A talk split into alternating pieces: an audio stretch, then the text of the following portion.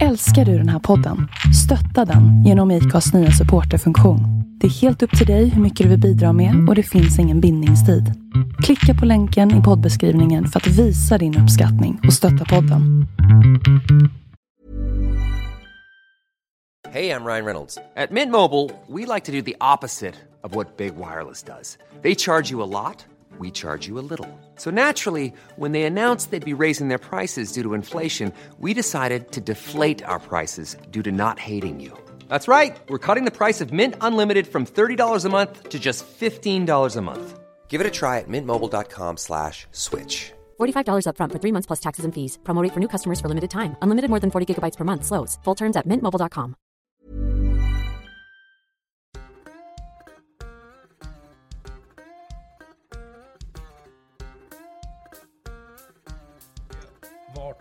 landar. För nu har jag tryckt på räck och då säger jag hej till Gustav Drogge. Och det här är första gången som jag har med någon i podden på nästan 100 avsnitt som är gift med någon som redan har varit med i podden. Det är en stor ära. Jag är glad att få vara här. Ja, du är alltså gift med Ida Droge som var med i ett av de första avsnitten och pratade om eh, väldigt mycket tjänstemannaansvar pratade vi om då. Just det. Just det. Alltså, hon var med riktigt tidigt. Eh, sen är det så att folk som har varit med på den har blivit ihop efteråt. Men det eh, blir en annan, annan historia att, Ja. att prata om. Kul ändå vara, du- att, att hitta en roll i poddhimlen där man kan matchmaka. Det är ändå fint ju.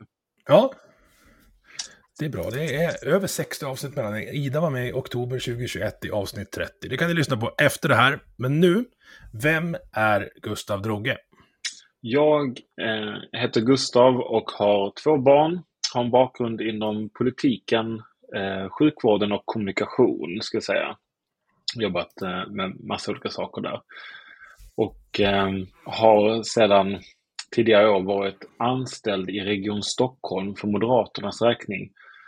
Där jag har försökt jobba med, eller jag har jobbat med sjukvårdsfrågor och försöker lösa många av de problemen som vi, eh, som vi läser om i tidningarna och vi, vi märker av, men som ja, utifrån liksom den erfarenheten vi fick på den insidan så såg vi varför oavsett hur goda intentioner alla har så eh, kommer det saker inte lösa sig om man inte kastar om strukturella för, förutsättningar på ett väsentligt sätt. Och då, då jag insåg det så fick jag förmånen och möjligheten att starta en tankesmedja, en tankesmedja som vi kallar för Synaps om sjukvård. Där vi ska försöka kasta upp lite nya lösningar i luften för att försöka lösa problemen och möjligheterna i sjukvården.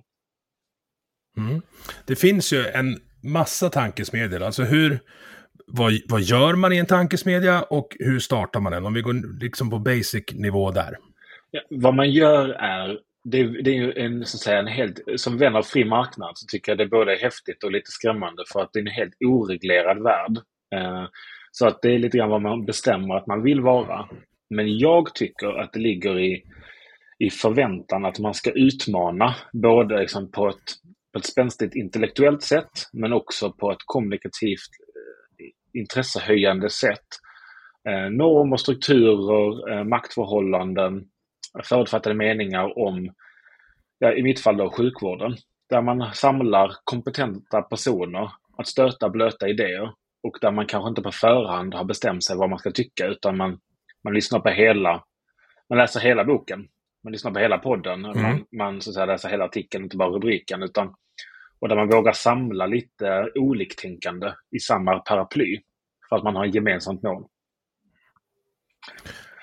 För jag har ju lyssnat på dig alltså eh, i alla poddar du har varit med sen, sen du startade här och eh, Synaps skriver på sin webbplats att ni är en opolitisk tankesmedja. Men när jag lyssnar på dig så håller jag med lite för mycket för att inte tro att Göran Greider sitter och skriker om han skulle höra det här.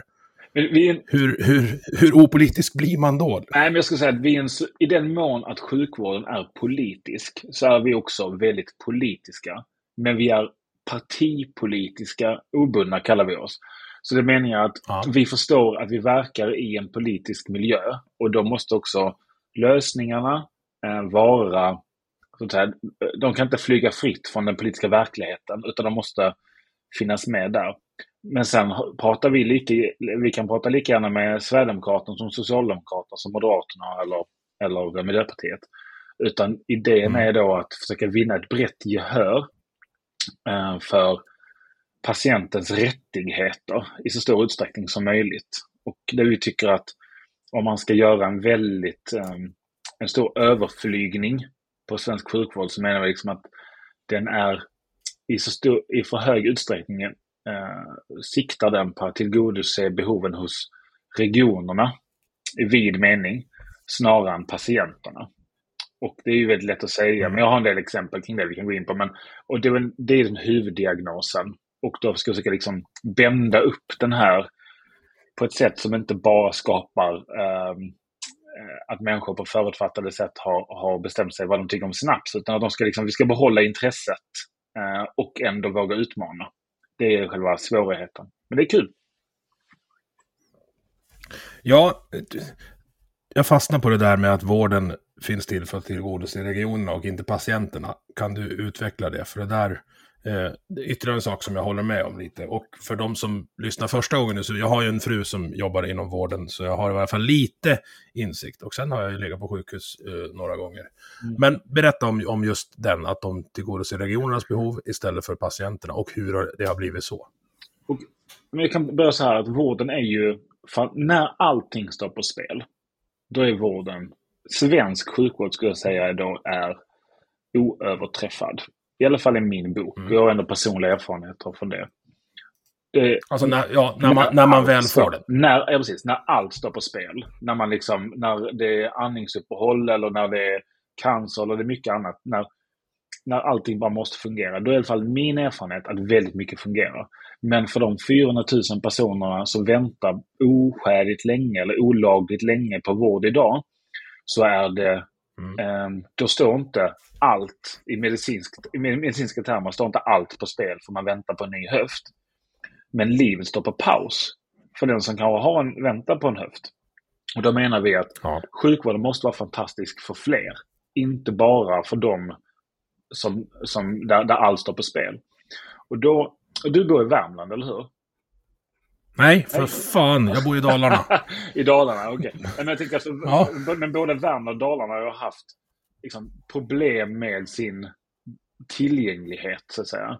Och eh, vad menar jag med det? Jo, det är liksom siffror som är långt under rikssnittet på vad, hur länge patienter får vänta på vård. Allt ifrån att träffa... Ja, vårdgarantin gäller inte här. Den finns på ett papper, men den, inte i verkligheten. Det här, det här eh, laglösa dynamiken som du efterfrågar i andra av dina poddavsnitt, jag lyfter den, den har regionen mm. tagit till sig snarare än medborgarna ja. kanske. Eh, och det kanske inte är det som avsågs. Men, men det, finns, det finns några regioner som är verkligen botten, alltså usla på att uppnå och det uppnår vårdgarantin. Och det betyder inte att de inte vill väl, utan jag tror att nästan alla som jobbar där har verkligen det bästa för ögonen. Men mm. vi har fått vad vi betalar för. Det, är det, här, det systemet vi har, det är det vi har köpt. Och ersättnings, även om det är en genomsocialistisk ransoneringspolitik som styr sjukvården idag, så är det ändå så att den är extremt känslig och receptiv för ekonomiska ersättningar. Så ifall du säger att nej men nu ska vi få bort den här kön. Um, till exempel, vi ska ta bort uh, höft, höft, uh, de som väntar på en ny höft i, uh, i Dalarna. Okej, okay, hur många mm. står i kön? Ja, det kanske är 700. Okej, okay, vad kostar en ny höft? 55 000 kronor ungefär. Okej, okay, 700 gånger 55 000. Så mycket kostar det att operera bort kön. Så mycket pengar finns det givetvis. Men de pengarna är ju anspråkstagna till mycket annan, annan vård men också andra dumheter som finns i regionen. Man sysslar med mycket, med mycket skit också. Och då menar jag så här att idag är det, har det blivit gratis. Jag har lärt mig att ingenting är gratis inte, och inte heller detta. Det har blivit avgiftsfritt för regionerna att köställa patienter. Så de här människorna som väntar på en ny höft, den smärtan eller den ångest eller den, eh, att man avsäger sig inkomst för att man inte kan arbeta fulltid. Den kostnaden går på varje individ. Men det är regionen som har brutit mot lagen. Och då menar jag, hade vi haft stärkta patienträttigheter, då hade regionen fått böta Eller man kan bara säga så här, men kompensera. Man kan ha det svenskt. Man behöver inte gå full America i detta, utan bara prata Sverige.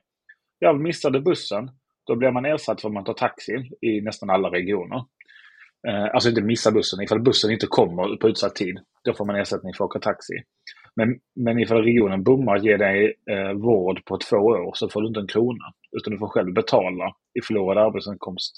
Och då menar jag, det, det är inte rätt. Man borde vända på det där och låta regionerna böta eh, eller kompensera patienter som står och väntar. Och det som händer då, det är att när regionpolitikerna och inte bara politikerna utan tjänstemännen också ska budgetera. Grejen har vi råd med de här 700 höftoperationerna?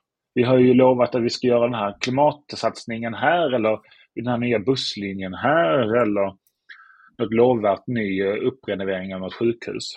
Ja, men om vi inte, betal- om vi inte fixar de här 700 höfterna, då måste vi böta kanske 15 miljoner per månad. Vi inte har gjort det. Mm. Precis, så målet är inte att det ska bli massa böter, utan målet Nej. är att, att sätta ett tryck utifrån att det är billigare att göra rätt än att göra fel, vilket det inte är idag. Exakt. I alla fall sätta någon, någon peng Det var någon som frågade mig, varför just 5 000 kronor? Och så här, när jag skrev den här debattartikeln för så, så sa vi att det, ju, det borde vara 10 000 kronor minst när vi satt och räknade på det. Men det, vi bor ju trots allt i Sverige. Man måste få med sig människor på detta också. Och det är väl det som jag försöker göra med den här tankesmedjan.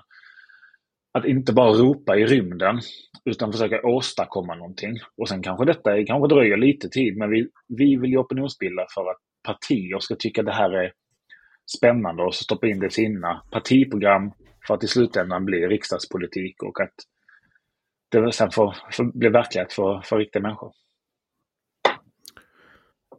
Och vad stöter man på för motstånd då? då? För det, det låter ju vettigt, tycker jag. Vad är, vad är argumenten emot det här? Vad får du höra? Att det är ehm, pengar som inte finns är väl det bästa, alltså inte det bästa, men det är väl det främsta motargumentet. Och då vi, vi saknar, alla regioner går med underskott och då vill du lägga på pålagor på det. Och det menar så att man går ju med underskott för att man har beslutat att gå med underskott. Man går ju med underskott för att man har valt att inte prioritera mellan verksamheter. Man har ju sagt att alla de här tjänstemännen som jobbar med PR och reklam är lika mycket värda att ha jobbet kvar som alla de som botar barn med cancer. Mm. Det är vad det konkret betyder. Att man säger att man har valt att gå med underskott. Och, det, och det, jag vill verkligen att man tar in detta för att det är det är inte heller en teoretisk... Det jag säger nu är inte teoretiskt. Det är 100% praktiskt. En till två gånger om året så sitter det regionpolitiker och tjänstemän, politiska tjänstemän och opolitiska tjänstemän och bestämmer på systemnivå var besparingarna ska ske någonstans. Och då kan man välja att göra det i sjukvården, man kan välja att göra det någon annanstans. Men oftast är ju de människorna som gör, som är, som gör själva besparingarna, och effektiviseringarna, de är närmare rent mänskligt och liksom fysiskt arbetsplatsmässigt alla de som egentligen borde få sparken. Snarare än alla de som borde få en extra krona. Och det tycker jag har blivit en... Det har blivit liksom att man blivit detached från vad som egentligen är viktigast. Eh, och det är därför jag, jag är inte säker på att Kristdemokraternas reform om att, om att lägga ner alla regionerna, att den kommer lösa massa problem. Men kommer i alla fall, man kommer bli av med några i alla fall och det tycker jag är, då är det värt att vara nyfiken. Ja, och vad jag förstår så finns det ju en del lågt hängande frukt man skulle kunna trixa till, vad, vad jag tror i alla fall, relativt enkelt eh, för att effektivisera. Jag har en, har en bekant eh, som fick åka med sitt barn eh, och åka till ett, ett barnsjukhus i en annan region för att fixa en sak. Då fick de faxa journalen dit. För att de har inget system som kan prata med varandra mellan regionerna. Och hur det kan vara så våren 2023, när vi liksom haft internet i Sverige, i alla fall sedan 95, så 30 år. Uh, är inte det jävligt konstigt? Jo, jo, det, jo, det är en bra beskrivning. Det, och det är ju och anledningen varför det är varför det inte heller är löst. Det är för att alla de andra problemen som, de, som samma människor måste jobba med är ännu sjukare. Så att det, det här med att man måste faxa, ja då vet man, då kommer det i alla fall fram. Det finns så många Mm. andra system som är eh, worse off. Men jag, jag håller helt med dig att, och det är någon som, eh, det är någon som har kommit till oss i, i tankesmedjan här nu och eh, berättat om en idé om hur man skulle kunna bygga om svensk IT-arkitektur inom svensk sjukvård som vi, vi är lite nyfikna på. Vi ska, och det är så spännande med när man är en tankesmedja. Så länge man, när man säger att man är det, då får man träffa massvis med häftiga människor. Så här, vi ska försöka lösa Mm. det här problemet. Vill ni, vill ni komma och, och så pratar vi om det i tre timmar tillsammans? Då kommer man... Det är samma sak när man har en podd. Då kan man ju ringa upp folk och bara prata. Det är, Ja. det är supercoolt. Ja. Nej, men så att, Eh, så att nej, men- för att svara på din fråga. Det är, det är helt jävla sjukt. Det är inte heller förvånande. Men det är en sak som måste bara börja fungera. Och tänk vilken, tänk vilka krafter eller vilka synergier som kan komma av att man på samma sätt som andra branscher och sektorer har kunnat digitaliseras. Om man skulle kunna göra det i större utsträckning inom sjukvården. Vilken sån förflyttning av makt från regioner till patienterna det ska innebära. Jo, men här, du ska ju bara slå in personnumret i en iPad när du står, eh, alltså som sjuksyrra eller doktor, vid sängen. Då ska du få upp allting på den patienten. Jag förstår inte hur det inte kan vara så. Sen är jag livrädd för när eh, någon får i uppdrag att designa och upphandla det här systemet. För jag säger att det, det är 90-10 chans att det blir skolplattformen all over again. Ja. Nej, men det har du rätt i. Och Eh. jag tror att man får väl hitta ett... eh, Så som jag tänker på det, att man borde göra som, som när det har fungerat, att man sätter några, några kravspecifikationer på hur, eh, vilken typ av språk eller vilka datapunkter som måste vara öppna och tillgängliga. Och sen får alla utveckla sina egna varianter, så ser man vilken som blir bäst. Och sen är det den som blir förhärskande och, och tar över. Istället för att man som politiker ska bestämma vilken, vilket, ifall det är Microsoft eller ifall det är något annat, Oracle eller någon annan som, som alla då ska tvingas på. Eh, Men, Fast jag säger att det där har vi ju redan gjort. Eh, man lyfter luren och så ringer man Christian Langgren som var med och skapade öppna skolplattformen och gjorde den fungerande. Ja. Och så säger man åt dem vad man vill ha. Mm. De, de har liksom redan eh, Ja, ju bara- lappat ihop ett statligt upphandlingshaveri så att det, det gick att använda. Och då har man den erfarenheten. du vet vad, jag kanske ska bjuda in honom till den här workshopen. Om man behöver fixa vården. Det är ett bra förslag. Tackar för. Gör det, och sen ska man lyssna på avsnitt 82 där han är, han är med och pratar om det här. För det som hände med öppna skolplats, eller skolplattformen, det var att den skulle kosta vad? En kvarts miljard, den kostade 1,3 miljarder och nu har man lagt ner den. Och eh, då kan man gå tillbaka och lyssna på avsnittet med din fru, för eh, hade vi haft tjänstemannaansvar och någon tappar bort 1,1 miljarder, då borde man sitta i fängelse. Ja, verkligen. Ja, men det är ju, och det är makalöst hur... eh, eh, och, och, och, och, anledningen varför flera av de här sakerna sker, det är ju när man har redan pliktat pengarna. Då är det enklare för politiker som spenderar andra människors pengar på andra människor, alltså inte ens på sig själv, utan spendera andra människors pengar på andra människor är det enklaste, de enklaste pengarna att spendera. Och de, ehm, det, när man väl har gått in med en halv miljard, då är det enklare att double down än att hej, Mm. hej, wait a minute, har vi, vi kanske måste dra i nödbromsen här. För det finns så mycket prestige och så mycket annat i de där mekanismerna. Och det finns inte så många kontrollpunkter som man kan önska. Även om demokratin i, viss mån är, är välfungerande på det, på det sättet. Så, så um, där, där, där kan min fru ha också en poäng. Ja, det är bra. Men uh, hur hamnar vi här då? Alltså regionerna har ju, eh, vad jag förstår, växt och växt och växt. Uh, men kanske på, på mitten istället för i toppen och botten nu, om, om du förstår vad jag menar. Alltså det, det är mitten i det fallet är administrations och Mm. kommunikationsdelen. Ja, ja, Eh, varför? För att det är det vi har beställt. Vi har av våra politiker och, vår förtro- och våra tjänstemän och eh, det som har premierats har varit att eh, nej men nu ska vi jobba med eh, hållbarhet. Okej, eh, då ska vi fram med en... Helt plötsligt har alla regioner en hållbarhetsavdelning och det är väl jättebra med, med hållbarhet i regionerna. Men vad gör regionerna? De kör bussar, som är kollektivtrafik, Mm. som är den yttersta hållbarhetsmarkören som finns i transportsektorn. Men vad gör de också? Jo, de botar människor från ohälsa, vilket är den andra yttersta punkten inom, eh, inom, inom hållbarhet. Skulle vi inte kunna säga så här att vi, vi säger att ingen, alla som jobbar med sjukvård och kollektivtrafik jobbar med hållbarhet. Så det behövs inga mm. hållbarhetsstrateger eller konsulter. Alltså tror jag, det, bara en sån sak skulle eh, frigöra så mycket kraft. Inte nödvändigtvis enskilt för varje peng som det flyttar. Utan för som DNs kolumnist Hanne Kjöller som var med på vår, vår lansering. Hon beskrev så tydligt att ja, för att politikerna i Region Stockholm har bestämt att när vi ska minska klimat... Någon politiker säger nu minskar vi klimatavtrycket. Jaha, okej, okay. ja, det låter ju bra det. Applåderar vi. Hur gör vi det då? Hur det sen omsätts via förordningar, budgetar, um, olika, olika typer av styrdokument, så blir det att hon som sjuksköterska helt plötsligt ska börja väga människors mat innan och efter de har haft in det på, alltså patienterna har haft in det på, eh, för hon är också sjuksköterska då.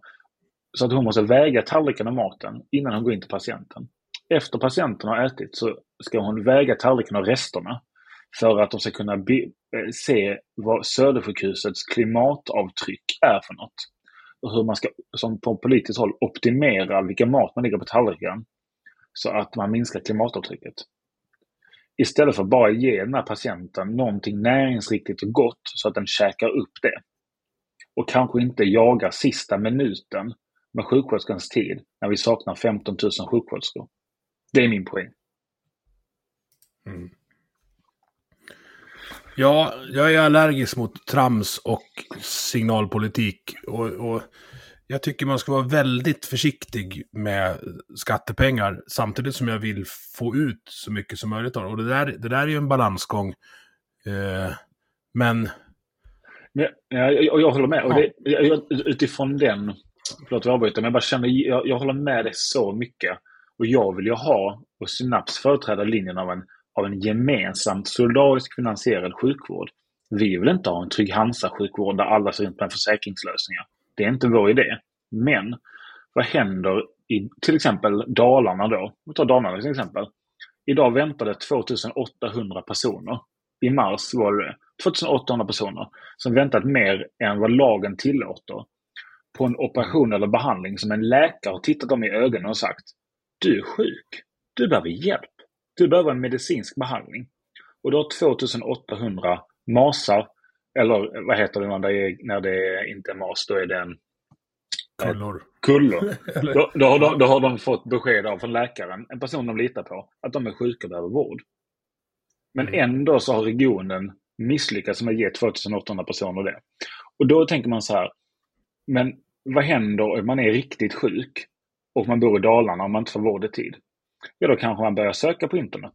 Då börjar man kanske landa i att man åker till Schweiz eller man åker till Finland, man åker till Norge där det finns privata lösningar. Och så pantsätter man hemmet för man vill leva tre år till. Mm. Och, vem, och, och, det är ju rationellt egentligen i alla lägen. Men vem vill ha ett sånt samhälle? Vem vill höra om att grannen var tvungen att flytta för han hade inte råd att bo här, för han var tvungen att betala sin cancerbehandling själv? För han kunde inte vänta på regionen. Ja, men jag kan tänka mig att, att de eh, mest högljudda och vad ska jag säga, riviga killarna och tjejerna på vänsterkanten tror nog att du vill ha ett sånt samhälle. Och det är därför jag så betonar det så ofta jag kan. Men det är klart att de, det är ju, de tror ju inte det samhället som, som jag och många av oss tror är fullt möjligt. Eh, att det går att samexistera med eh, privata inslag i sjukvården som, som möjliggör ett större ut, resursutnyttjande per krona. Så det här kommer ju liksom i viss mån liksom en ideologisk, eh, jag kan ta in några överord här, men det är lite ett vägval. Antingen så är det mer att vi double down på den icke-fungerande regiondrivna sjukvården där vi betalar ett överpris på vård när pengarna är slut och människor väntar på, väntar på vård. Eller så tittar vi mm. på siffrorna. Okay? Vem kan få ut flest vårdplatser per krona? Det är inte bara privata som kan göra det. Det är flera offentliga vårdgivare som också gör det. Bra, då får ni mer att göra. Och ni som är dyrast och sämst, ni får mindre att göra. Titta, så har vi hjälpt er. Och så har vi sparat pengar.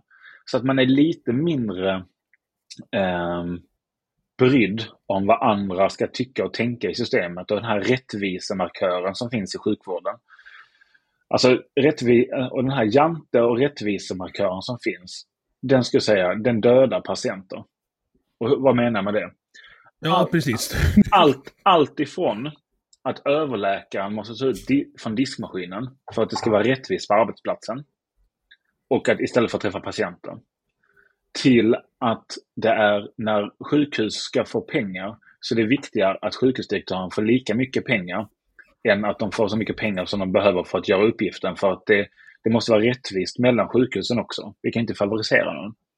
Alltså Mm. från toppen och jag har liksom, jag har autentiska vittnesmål från båda de här och exempel emellan. Så finns det en svensk jantelagskänsla som håller tillbaka så mycket potential. Och det här tror jag är förödande för de här patienterna. Ehm, och det är klart att mycket av det svenska är ju fantastiskt. Men mycket av det svenska är fortfarande svenskt och medelmåttigt i en situation som är extrem. Och då behöver vi lite mer bang for the buck helt enkelt.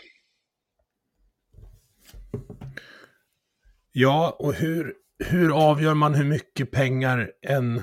Om vi förutsätter att indelningen av regioner fortsätter att vara liksom geografisk. Hur avgör man hur mycket pengar en region behöver när man, när man har någon form av planekonomi, eller vad man ska kalla det, runt omkring eh, finansieringen? Då tror jag att eh, det här demokratiska inslaget tycker jag är ju ehm, verkligen värt att försvara. Det är inte där, jag, jag tror så här, det är inte där problemet är. Så länge man inte så länge man har en, eh, en politisk representation så är det bättre att den är regional än att den är statlig. Men, ehm, och främst för att man kan utkräva ansvar på det sättet. Men jag tror att det kommer inte kunna gå, och det är lätt för mig att sitta i en storstad och säga detta, men jag tror inte det kommer kunna gå att ha sjukvård på det sättet som vi har lärt oss att sjukvård ska finnas överallt i landet. Med den kvaliteten, både i själva genomförandet men också i kvalitet i tid, det vill säga att man får vård i rätt tid. Och kvalitet i så att säga, proximity eller i närhet. Alla de kvalitetsbegreppen går inte att uppfylla samtidigt. Då får vi Blir det mer spe specialiserat då, tänker du? Eller hur? Ja, och det, det är det kanske så här att om man har... ehm, jag är inte en operaman, men jag har lärt mig att det finns tio bra operascener i Sverige. Och opera är ungefär som en kirurg. Man måste öva väldigt mycket. Eh, och man kan bara spela under vissa förutsättningar. Och det är en, det är en väldigt ehm, eh, typisk publik, så att säga. Eh, men vad, varför finns det tio operascener? Någonting man går och tittar på många gånger i livet om man är en operafan. Men man kan operera en höft på 55 ställen.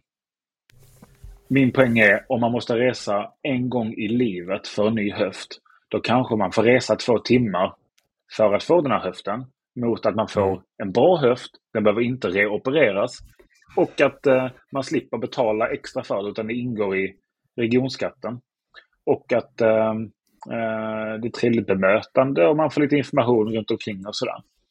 Alltså den upplevelsen tycker jag att både människor som bor i Dalarna men också människor som bor i Stockholm. Det är väl inte konstigt att till exempel, jag vet att det finns riktigt bra ögonläkare i, Dalarna, eller i Blekinge. Mm. Och att det är, de är fyra, fem stycken där nere. Och ifall de bygger upp, de skulle, det skulle lika gärna kunna vara så att nej men, om man behöver nya ögon eller operera sina ögon på något sätt och det är någon särskild operation, ja då ska man åka till, åker man till Blekinge. Alltså att vi får det, det är orimligt att tro att vi ska klara av på 21 olika regioner hela kroppens anatomi på ett tillräckligt medicinskt säkert och tillgängligt sätt för de pengarna vi betalar med den politiska styrningsmodell vi har valt. Det, så här, när man tittar på det på det sättet så känns det nästan unikt att vi klarar att ge så här många mä- människor vård i tid. Så det är trots regionernas uppdelning, särskilt inte tack vare, som vi klarar. Nej, och det man gör mycket blir man ju bra på om vi fortsätter på operaavdelningen. Eh, alltså har du, för ska man vara krass då, då blir det ju storstadsregionerna som får eh, de planerade kirurgerna. Eh, för att det bor mest folk där. Och i, i, till och med jag som landsbygdsromantiker eh, kan faktiskt acceptera det. Jag kan säga att det kanske inte ens behöver vara i Sverige. Eh, det är ganska många som flyger utomlands för att fixa tänderna till exempel till Polen och Turkiet och överallt var, var de nu är. Men det man behöver ha utspritt över landet tänker jag är sånt som inte går att planera. Typ förlossningar, benbrott, eh, kardiologen, öron, näsa, hals. Alltså när det, när det är bråttom. Och om man då har det hos oss, att man liksom räddar liv eh, och tar hand om det akuta i Falun, Mora och Sollefteå. Ja, Mora lär vi ha kvar för de, de gipsar ju hela Sälen varje vinter. Mm, det. det, de, de är nog bra att ha. Eh, Hi, I'm Daniel, founder of Pretty Litter. Did you know cats tend to hide symptoms of sickness and pain? I learned this the hard way after losing my cat, Gingy. So I created Pretty Litter, a health monitoring litter that helps detect early signs of illness by changing colors, saving you money and potentially your cat's life. Pretty Litter is veterinarian developed, and it's the easiest way to keep tabs on your fur baby's health right at home. Go to prettylitter.com and use code ACAST for 20% off your first order and a free cat toy. Terms and conditions apply. See site for details. Here's a cool fact a crocodile can't stick out its tongue. Another cool fact you can get short term health insurance for a month or just under a year in some states. United Healthcare short term insurance plans are designed for people who are between jobs, coming off their parents' plan, or turning a side hustle into a full time gig. Underwritten by Golden Rule Insurance Company, they offer flexible, budget friendly coverage with access to a nationwide network of doctors and hospitals. Get more cool facts about United Healthcare short term plans at uh1.com. men ja, nej, men jag, kö, jag köper det rakt av. Men mm. vad är baksidan med det här då? Och, och, och jag, bara innan jag går in på baksidan ska jag säga så här, och jag kan inte nog understryka hur vård som ska ges tidigt och vård som ska vara väldigt tillgänglig behöver ju nästan, eh, jag skulle säga det är nästan ännu viktigare att ta pengar och stoppa in i första linjen så att säga. Alltså vårdcentraler, det du beskrev, liksom den akuta, icke planerbara eh, vården måste vara ännu närmare patienterna. Ja, Jag har ju två gånger ringt ambulans här och, och fått reda på att nej, vi har ingen att skicka. Och det eh, blir man, då blir man inte så glad. Alltså jag, jag, eh, man får ju puls bara att höra sådana historier. Det är, så Mm. jä, det är sånt jävla underbetyg. Ehm, så. Och en, en ambulans kostar ungefär 10 miljoner. Jag vet inte hur många ambulanser Dalarna har, men det kostar ungefär 10 miljoner med, med ehm, eh, att, att ha en, liksom, en året runt ambulans, en reguljär variant. Kan man andra saker som kostar 10 miljoner Dalarna. Men skitsamma. Men vi, eh, vad är baksidan med allt detta? Jo, baksidan är ju att det riskerar ju att bli ehm, vård, eller det riskerar att bli så att patienter som kanske är sköra och som inte vill resa, måste resa i stor utsträckning. Så det är ju liksom en, det är en, det är en trade-off man måste göra och det man säger, borde liksom tänka på då är att ja, du slipper resa idag, men du får heller ingen vård i tid. Du, du, du ger, det, är inte, det är inte få personer som ger upp ett helt år i livskvalitet för att sin region underpresterar. Det är inte få personer idag. Det är många personer som gör det. Så och att, kanske är sjukskriven ett helt år så man, man dels... Ja, man, man blir ju... Man producerar inte så mycket skatteintäkter då. Och du har ju... Om man inte kan röra sig. Exakt. Om man kan ta till exempel psykisk ohälsa eller psykiska sjukdomar. Att en odiagnostiserad ehm, eh, ADHD när man går i mellanstadiet och man inte får någon verktyg som man, som man har rätt till. Vad gör det med en person som kanske eh, missas i mellanstadiet eller högstadiet för att man inte fick vård och hjälpmedel och verktyg i tid? Det kan- kan jag berätta. Det kostar samhällstjänst och offentliga försvarare, för det är mig du pratar om där. Så det, ja, det, alltså- det är slantar. Ja, så att det är, om man blir då kanske politisk redaktör ändå, men poängen är att det är nog inte säkert att det är liksom allas trajectory, utan jag på- särskilt då de här eh, unga åren där så mycket avgörs, där måste vården måste vara mycket snabbare. Och eh, vi tittar faktiskt just nu på skolhälsovården. Är det rimligt att skolan också som... Ska skolan också vara sjukvård? Eller ska någon annan in där kanske? Vi har inte riktigt landat in exakt där. Vi håller på att prata runt med ganska många experter. Men det finns ju någonting där som är ett sånt jävla svek mot unga flickor och pojkar idag. Ehm, Mm. så. Det finns mycket att prata om. Ja, nej, men där, alltså, där skjuter man det ju framför sig just för att eh, efter eh, skolan så blir det inte en kommunal utgift längre utan en regionell eller statlig. Det vill säga att man hamnar inom, inom vården eller ännu värre inom rättssystemet. Eh, så man, man puttar det framför sig bara och väljer att inte se på det. Men det är ett, det är ett annat avsnitt. Du, när man, go- när man googlar dig eh, så står det så här. M-toppen ska leda ny lobbygrupp för välfärdsbolag. Hur, hur, hur, eh, sant hur ska är det? du... Hur sant är det? Va? Hur sant är Ja, det? det vet, jag vet inte det, det var det jag tänkte Ja. säga. Alltså, hur ska du övertyga mig om att, om att det inte är det? För, för ändå, eh, gränsen mellan eh, lobbyorganisationer och tankesmedjor kanske inte är solklar hela tiden. Nej, nej, men det är det inte. Men jag, ehm, om man, jag tänker att om man är en, en lobbyorganisation i den meningen att man för bolag, då är man pro-business. Då är det viktigt att just det här bolaget får just det där kontraktet i just den där regionen. Ifall det är Aleris i eh, Region Dalarna. Eller att de måste få någon, öppna någon ögonmottagning. Kunde inte bry mig mindre om det där. Det som är en skillnad mellan en pro-business lobbyist och en pro-market tankesmedja. Det är att vi tittar på okej, men vilka mekanismer och strukturella för- förutsättningar behöver finnas. Och vi har ingen vårdgivare eller bolag som kunder. Vi finansieras av en stiftelse. Och den stiftelsen i sin tur har en idé om att, att fri konkurrens gynnar välfärden. Och det är inte något enskilt bolag då som betalar. Så att det, jag tycker att i alla fall, jag, behöver, jag kommer inte vinna vänsterrösterna för, för den beskrivningen. För de, de tycker väl att, att det är ungefär samma. Men för mig är det en avgrundsdjup skillnad i vem som är uppdragsgivaren. Och nu är uppdragsgivaren mig själv och vad vi tycker är intressanta. Så att det Jag vill ha tryckt i den i alla fall. Men jag såg den artikeln. Ja, Mm. Den var, den Ja, var, det- jag den var, tyckte- den jag var, tyckte det var låst. roligt. Den var låst, så jag har själv inte läst. Jag, ja jag prenumererar ser du, så Ja. det, det, det, man måste hålla koll på, på allt. Eh, den finns på eh, Dagens ETC om någon vill läsa den. Jag håller för övrigt på att försöka få Max V. Karlsson till podden för att Nu, han det verkar skulle vara vara väldigt, spännande. väldigt trevlig person, verkar han vara. ju.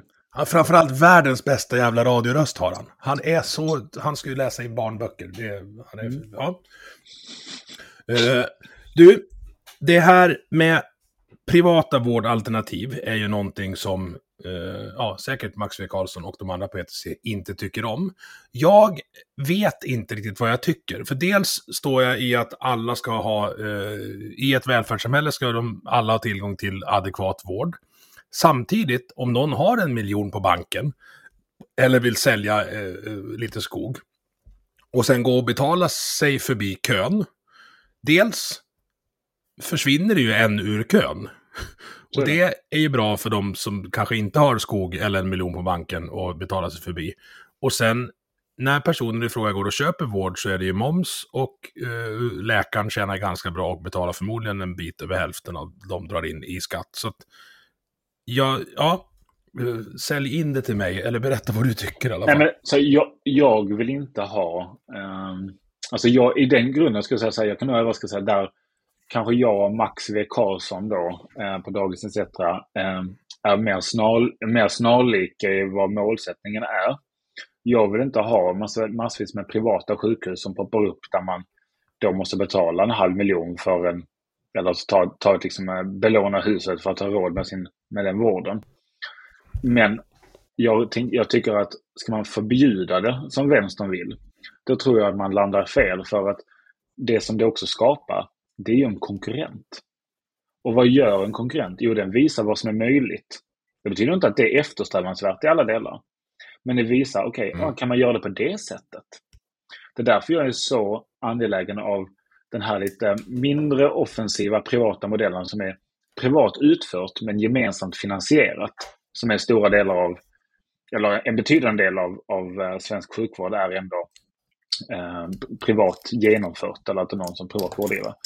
Och det har ju visat Ja. sig i studier att de gör många operationer, fler, och de gör det också billigare.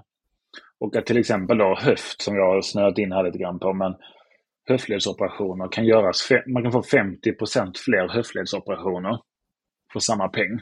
Man kan få 100% fler ehm, eh, gråstarroperationer för samma peng.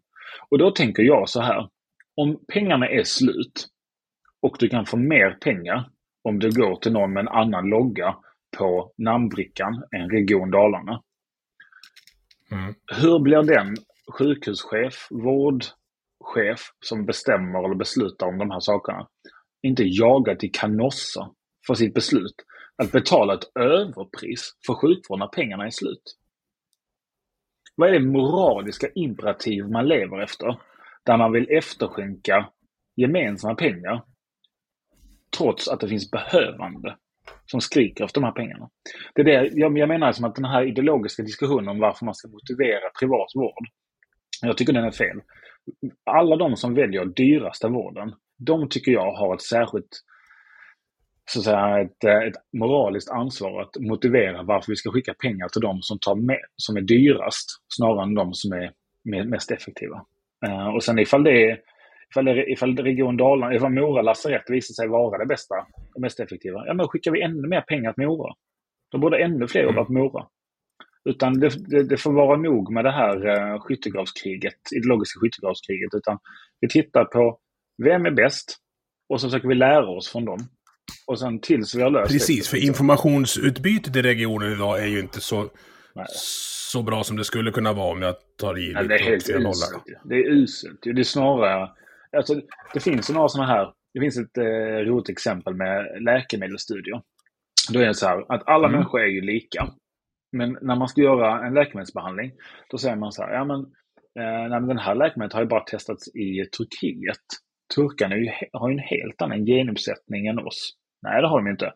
Okej, okay, men, eh, nej, men vi vill ändå testa det i Europa. Okej, okay, då testar vi det i EU. Då är det EU-godkänt. Okej, okay, men hur kommer eh, svenskarna reagera på det? Va? Nej, men vi är europeer så det är bara att köra på. Nej, vi måste nog kolla ifall vi reagerar olika. Okej, okay, då gör vi en läkemedelsstudie här i Sverige också. Men är inte dalslänning, är, är inte lite, eh, skiljer de inte sig lite grann från de som bor i Uppsala? Jo, då gör vi en egen också. Och, och det här, det här, allt det här är sant. Allt det här är sant. Och detta är liksom i en del av läkemedelsvärlden som, som detta pågår och som är ett jättestort problem som gör att människor får riktigt bra behandlingar två, tre, fyra år för sent och dör i väntan på de bästa behandlingarna. Bara för att det finns en sån här lokal prestige i att vi måste ha full kontroll på det själv innan vi vågar göra någonting. Och eh, jag tror jag menar att det här, det här sättet som man ser på sin roll i systemet, det får um, fruktansvärda konsekvenser. Och um, de vill ju väl. De vill ju väl, men eh, de vill ha full kontroll och det menar jag att det är patienterna som måste ha mer kontroll och politikerna lite mindre kontroll. Ja, och de tvingas ju till det då med det finansieringssystemet som är nu att dels behöver de bränna pengar i slutet av budgetåret, vilket är så. Det är, ja. och det, det, är nog min största pet någonsin att, att, att det är så. att Ja, men kortfattat, om du jobbar på en avdelning inom, inom det offentliga och så får du en budget på en miljard och så gör du det för en halv miljard istället. Det enda som kommer hända då är att du får ingen klapp på axeln och behålla pengarna, utan då tar man tillbaka pengarna och så får du en halv miljard mindre nästa år. Mm. Så att oktober-november när jag jobbade inom reklambranschen och jobbade mot en del offentliga, det var de bästa månaderna någonsin. För då ville folk bara fakt bli fakturerade och sen det får vi hitta på vad vi ska göra för pengarna. Och det, och det, det är också liksom, det finns en ledarskaps... Mycket, mycket kan man ju belasta politikerna för. Men en del av det här beteendet, det är ju inte, poli, det är inte partipolitiskt på något sätt. Det är ju så ransoneringssystemet fungerar. Ett offentligt ransoneringssystem. Mm. Okej, okay, oj, jag, jag visar mig för bra, jag spenderar pengarna. Då får jag mindre nästa år. Då spenderar jag mer. Så det är liksom väldigt eh, mänskligt i alla dess delar. Men, men jag tycker att både när det kommer till de här frågorna men frågorna också kring varför människor i större utsträckning väljer bort att jobba i regionerna eller i sjukvården handlar ju om bristande ledarskap. Jag har ett exempel här. Att min, ja. Jag har en, eh, en lillebror som heter Valdemar. Han blev, eh, började jobba som ingenjör. Han, han bodde länge i Kina, så han kan kinesiska behöver vara ett svenskt ingenjörsbolag som har fabriker i Kina. Och då ville de ha en svensk, som, någon som, någon som eh, som kan vara lite chef i Kina och ändå kunna prata kinesiska. Så sa Valdemar, nu ska vi skicka dig till Kina och du ska bli chef. Så ah, vänta lite, jag är, inte så, jag är inte säker på att det är för mig. Jo, det är för dig och nu ska du gå på Handels. Så, men jag har ju precis pluggat på universitetet där för några år sedan. Jag vill inte tillbaka i skolan. Jo, men det är jätteviktigt att du kan ledarskap, annars kan du inte vara chef här. Så att han sig på skolbänken igen och fick ett specialdesignat program för att han skulle ta hand om de här två fabrikerna. Och där var ju ett, ett bolag som förstår värdet av ledarskap, att de investerar flera hundratusentals kronor på en ny chef som kanske inte fungerar för att flyga på andra sidan jorden och se till så att saker kommer i tid från fabriken. Och att de som jobbar där mår bra och är välfungerande. Nu översätter vi allt det här till svensk sjukvård och Region Dalarna. Tänk dig en, ny, eh, en, eh, en läkare eller sjuksköterska som eh, befordras till chef.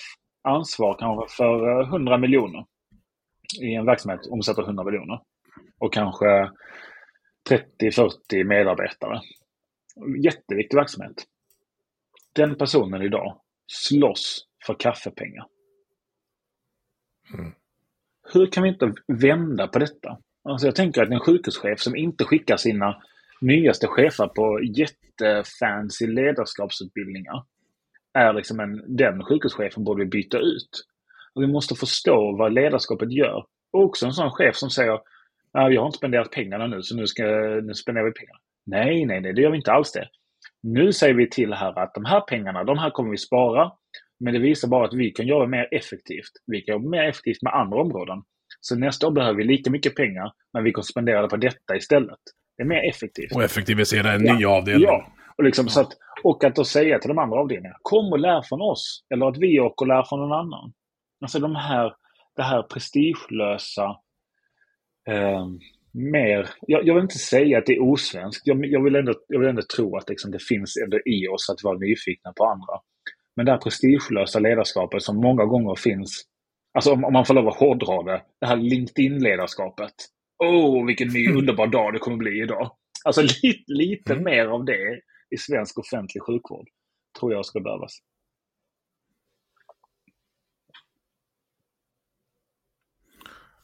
Ja, det finns onekligen mycket att, att jobba med. Eh, sista frågan då, som kanske tar en halvtimme att svara på. Det kommer säkert komma någon följdfråga. Men hur lång tid tar det att fixa det här och var måste man börja? Vi har, vi har ställt frågan nu. Vi jobbar med några riktigt smarta som vi har sagt så här. Kan du räkna ut hur lång tid tar det innan vårdkön är borta i den takt som är just nu? Så jag får be att återkomma med den punkten. Men det vi behöver göra eh, är att börja prissätta saker som kostar på riktigt. Så att det prioriteras och motiveras i större utsträckning av de som bestämmer. Vi behöver, i vissa fall behöver politikerna ta ett steg fram, tro det eller ej, när det kommer till de här rättighetsbaserade delarna och skapa arenor där vårdgivare som har ledig kapacitet möter patienter som behöver vård i tid. Och då tänker man så här, vadå ledig kapacitet? Alla, som, alla jobbar väl så hårt de kan? Det kanske de gör. De jobbar så hårt som de vet om att man kan idag. Men ifall, jag säger så här, huvuddelen av svenska operationssalar är inte öppna fredagar, fredag efter lunch. De är inte det. Varför är inte, och då ska vi vända på det, hur kan det komma sig att operationssalar inte är öppna sju dagar i veckan för eftermiddagar när vi har så många människor som väntar på vård? Jo, det är för att det inte är lönt. Det, det, är inte, det ersätter inte tillräckligt mycket att beta av vårdkön. Och det tycker jag det är som svek att vi har en, så mycket pengar i svensk sjukvård. 350 miljarder. Men vi har inte råd att jobba på lördagar för att ge människor vård i tid. Jag tycker det, och det här är liksom mitt, det är, det är min anledning varför jag går, går upp på morgonen och försöker jobba med de här frågorna. Att det finns pengar, det finns kapacitet. Vårdförbundet, facket, visar att det finns 14 000 sjuksköterskor, legitimerade sjuksköterskor, under 65 år, som har jobbat kliniskt men har valt bort att jobba med patienter nu. 14 000. Mm. Hur mycket är 14 000? Det är nästan tre stycken Karolinska sjukhus. Så att det, vi behöver inte bygga ett enda till sjukhus i Sverige. Vi behöver bara få de människorna som har lämnat om vi kan få en tredjedel av dem kommer tillbaka, då har vi botat hela vårdplatsbristen. Och då handlar det om villkor och ledarskap? Det, det är, min, det är min bild. Um, och det ja, kan mycket väl vara så att det, finns, uh, att det finns några delar som som, uh, som liksom en X-factor som inte, som inte man har koll på. Men i, hela idén är att man säger att vi har inte råd att ge sjuksköterskorna högre lön. kan man tänka sig, nej, men ifall väntan kostade 5 000 kronor per patient, då skulle ni inte ha råd att inte prata om bättre villkor för sjuksköterskorna så de ville jobba, ville jobba på lördag och söndagar. Alltså vårt ransoner, om, man får, om jag får hårdra det, och det får jag som jag numera är en tankesmedja, kan jag säga så här. Vi kanske närmar oss ett system där det är sjuksköterskorna som har två båtar, snarare än att det är läkarna som har, en, som har två båtar. Liksom. För att det är, de, det är deras specialistkompetens som är, som är så efter, eftersträvansvärd. Och när den prissätts på en fri marknad som hyrsjuksköterskor är, ännu, mm så tjänar de 50 75% mer än vad de gör på sitt ordinarie arbete. Och då mm. istället för att vara en konsult, det vill säga att man jobbar helger när de andra vill vara lediga, man jobbar sommar när de andra vill vara lediga, så är maktförhållandena i svensk sjukvård inverterade. Det vill säga att konsulterna bestämmer, nej men jag, kan, jag, jobbar för, jag vill ha 50% mer betalt och jag vill inte ha de tuffa arbetspassen. Det, då är man inte en konsult, då är man en gisslantagare. Men det är också så, det är så verkligen ser ut. Jag håller inte emot någon av de hursjuksköterskorna som jobbar så. Men systemet måste ju säga, nej men då kanske vi måste prissätta. Det kanske inte är så att hyrsjuksköterskornas villkor är fel. Det kan ju vara att de övrigas villkor är fel. Och mm. någonstans måste man liksom rekalibrera om systemet. Det kan vara att någon har för mycket betalt och någon har för lite betalt. Och så länge som vi har ett politiskt styrt så kommer det vara underpresterande. Och därför menar jag att ju större andel av vården som går till en fri marknad, det vill säga där en offentligt finansierad, solidariskt finansierad, men privat ägd, privat styrd vård så är det mycket eh, bättre kalibrering av resurserna än det är på offentliga, offentliga verksamheter. Och det är inte bara inom sjukvården utan eh, uh, om, jag, om, jag, om jag ska sätta rubrik på det så är det så här. Nu börjar sommarvården. Uh, det börjar, hur många offentliga vårdgivare kommer att gå ut med sommarbonusar? Hur många privata vårdgivare kommer att gå ut med sommarbonusar? Mm. Jag tror det, svaret säger sig själv. Liksom. Vad, är det för, vad är det för verksamhet man driver när man måste ge någon 100 000 kronor för att flytta sin semester? Mm. Hur usel är man som arbetsgivare om man måste betala 100 000 kronor för att man ska flytta sin, sina semesterveckor, eh, fyra veckor? Jag tycker det är, det, det är djupt dysfunktionellt det här. Ja, och det där kommer ju bara göra att folk inom vården räknar med de där. Alltså de ja. vänjer sig vid att ha semester lite tidigare, lite senare än de som kör grabbarna i gruvan.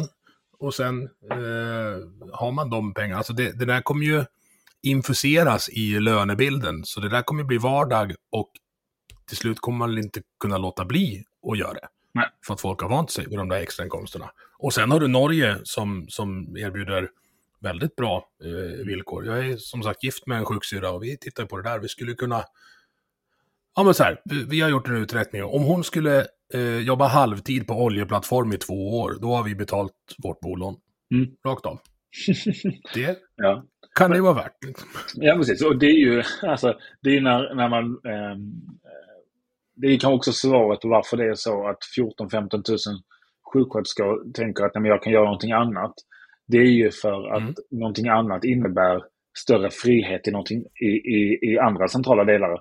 Som till exempel ekonomin, sin hushållsekonomi. Mm. Så därför, jag tror att det, led, det här kommer oundvikligen leda till att prissättningen på arbetskraft i sjukvården kommer väldigt snabbt justeras. Vissa som idag har väldigt höga löner kommer behöva motivera den i större utsträckning. Andra som har lägre löner kommer snabbt få ökade löner, tror jag, för, mot att de jobbar mycket, mycket mer. Uh, så så att, uh, vi får se. Och då tror jag, så länge det är offentligt finansierat, ransonerat och beslutat, så tror jag att vi kommer betala ett överpris för samma, för samma produkt. Vi skulle kunna haft en lägre, lägre skatt med bet, lika bra eller bättre sjukvård om större, mm. en större del av sjukvården skötte sig själv. Snarare att det var politiskt reglerat. Men å andra sidan, då har man mindre möjlighet att utkräva ansvar. Så det är liksom en balansgång det där.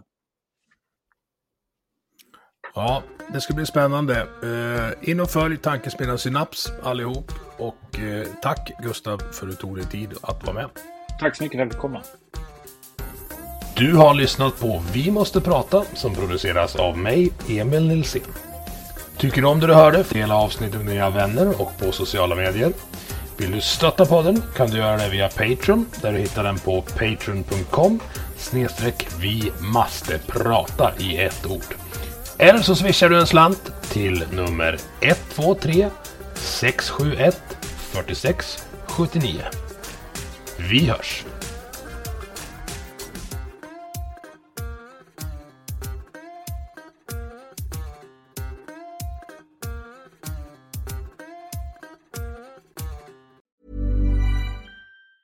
Ever catch yourself eating the same flavorless dinner three days in a row? Dreaming of something better? Well, HelloFresh is your guilt-free dream come true, baby. It's me, Kiki Palmer. Let's wake up those taste buds with hot, juicy pecan-crusted chicken or garlic butter shrimp scampi. Mm. Hello Fresh. Stop dreaming of all the delicious possibilities and dig in at HelloFresh.com. Let's get this dinner party started.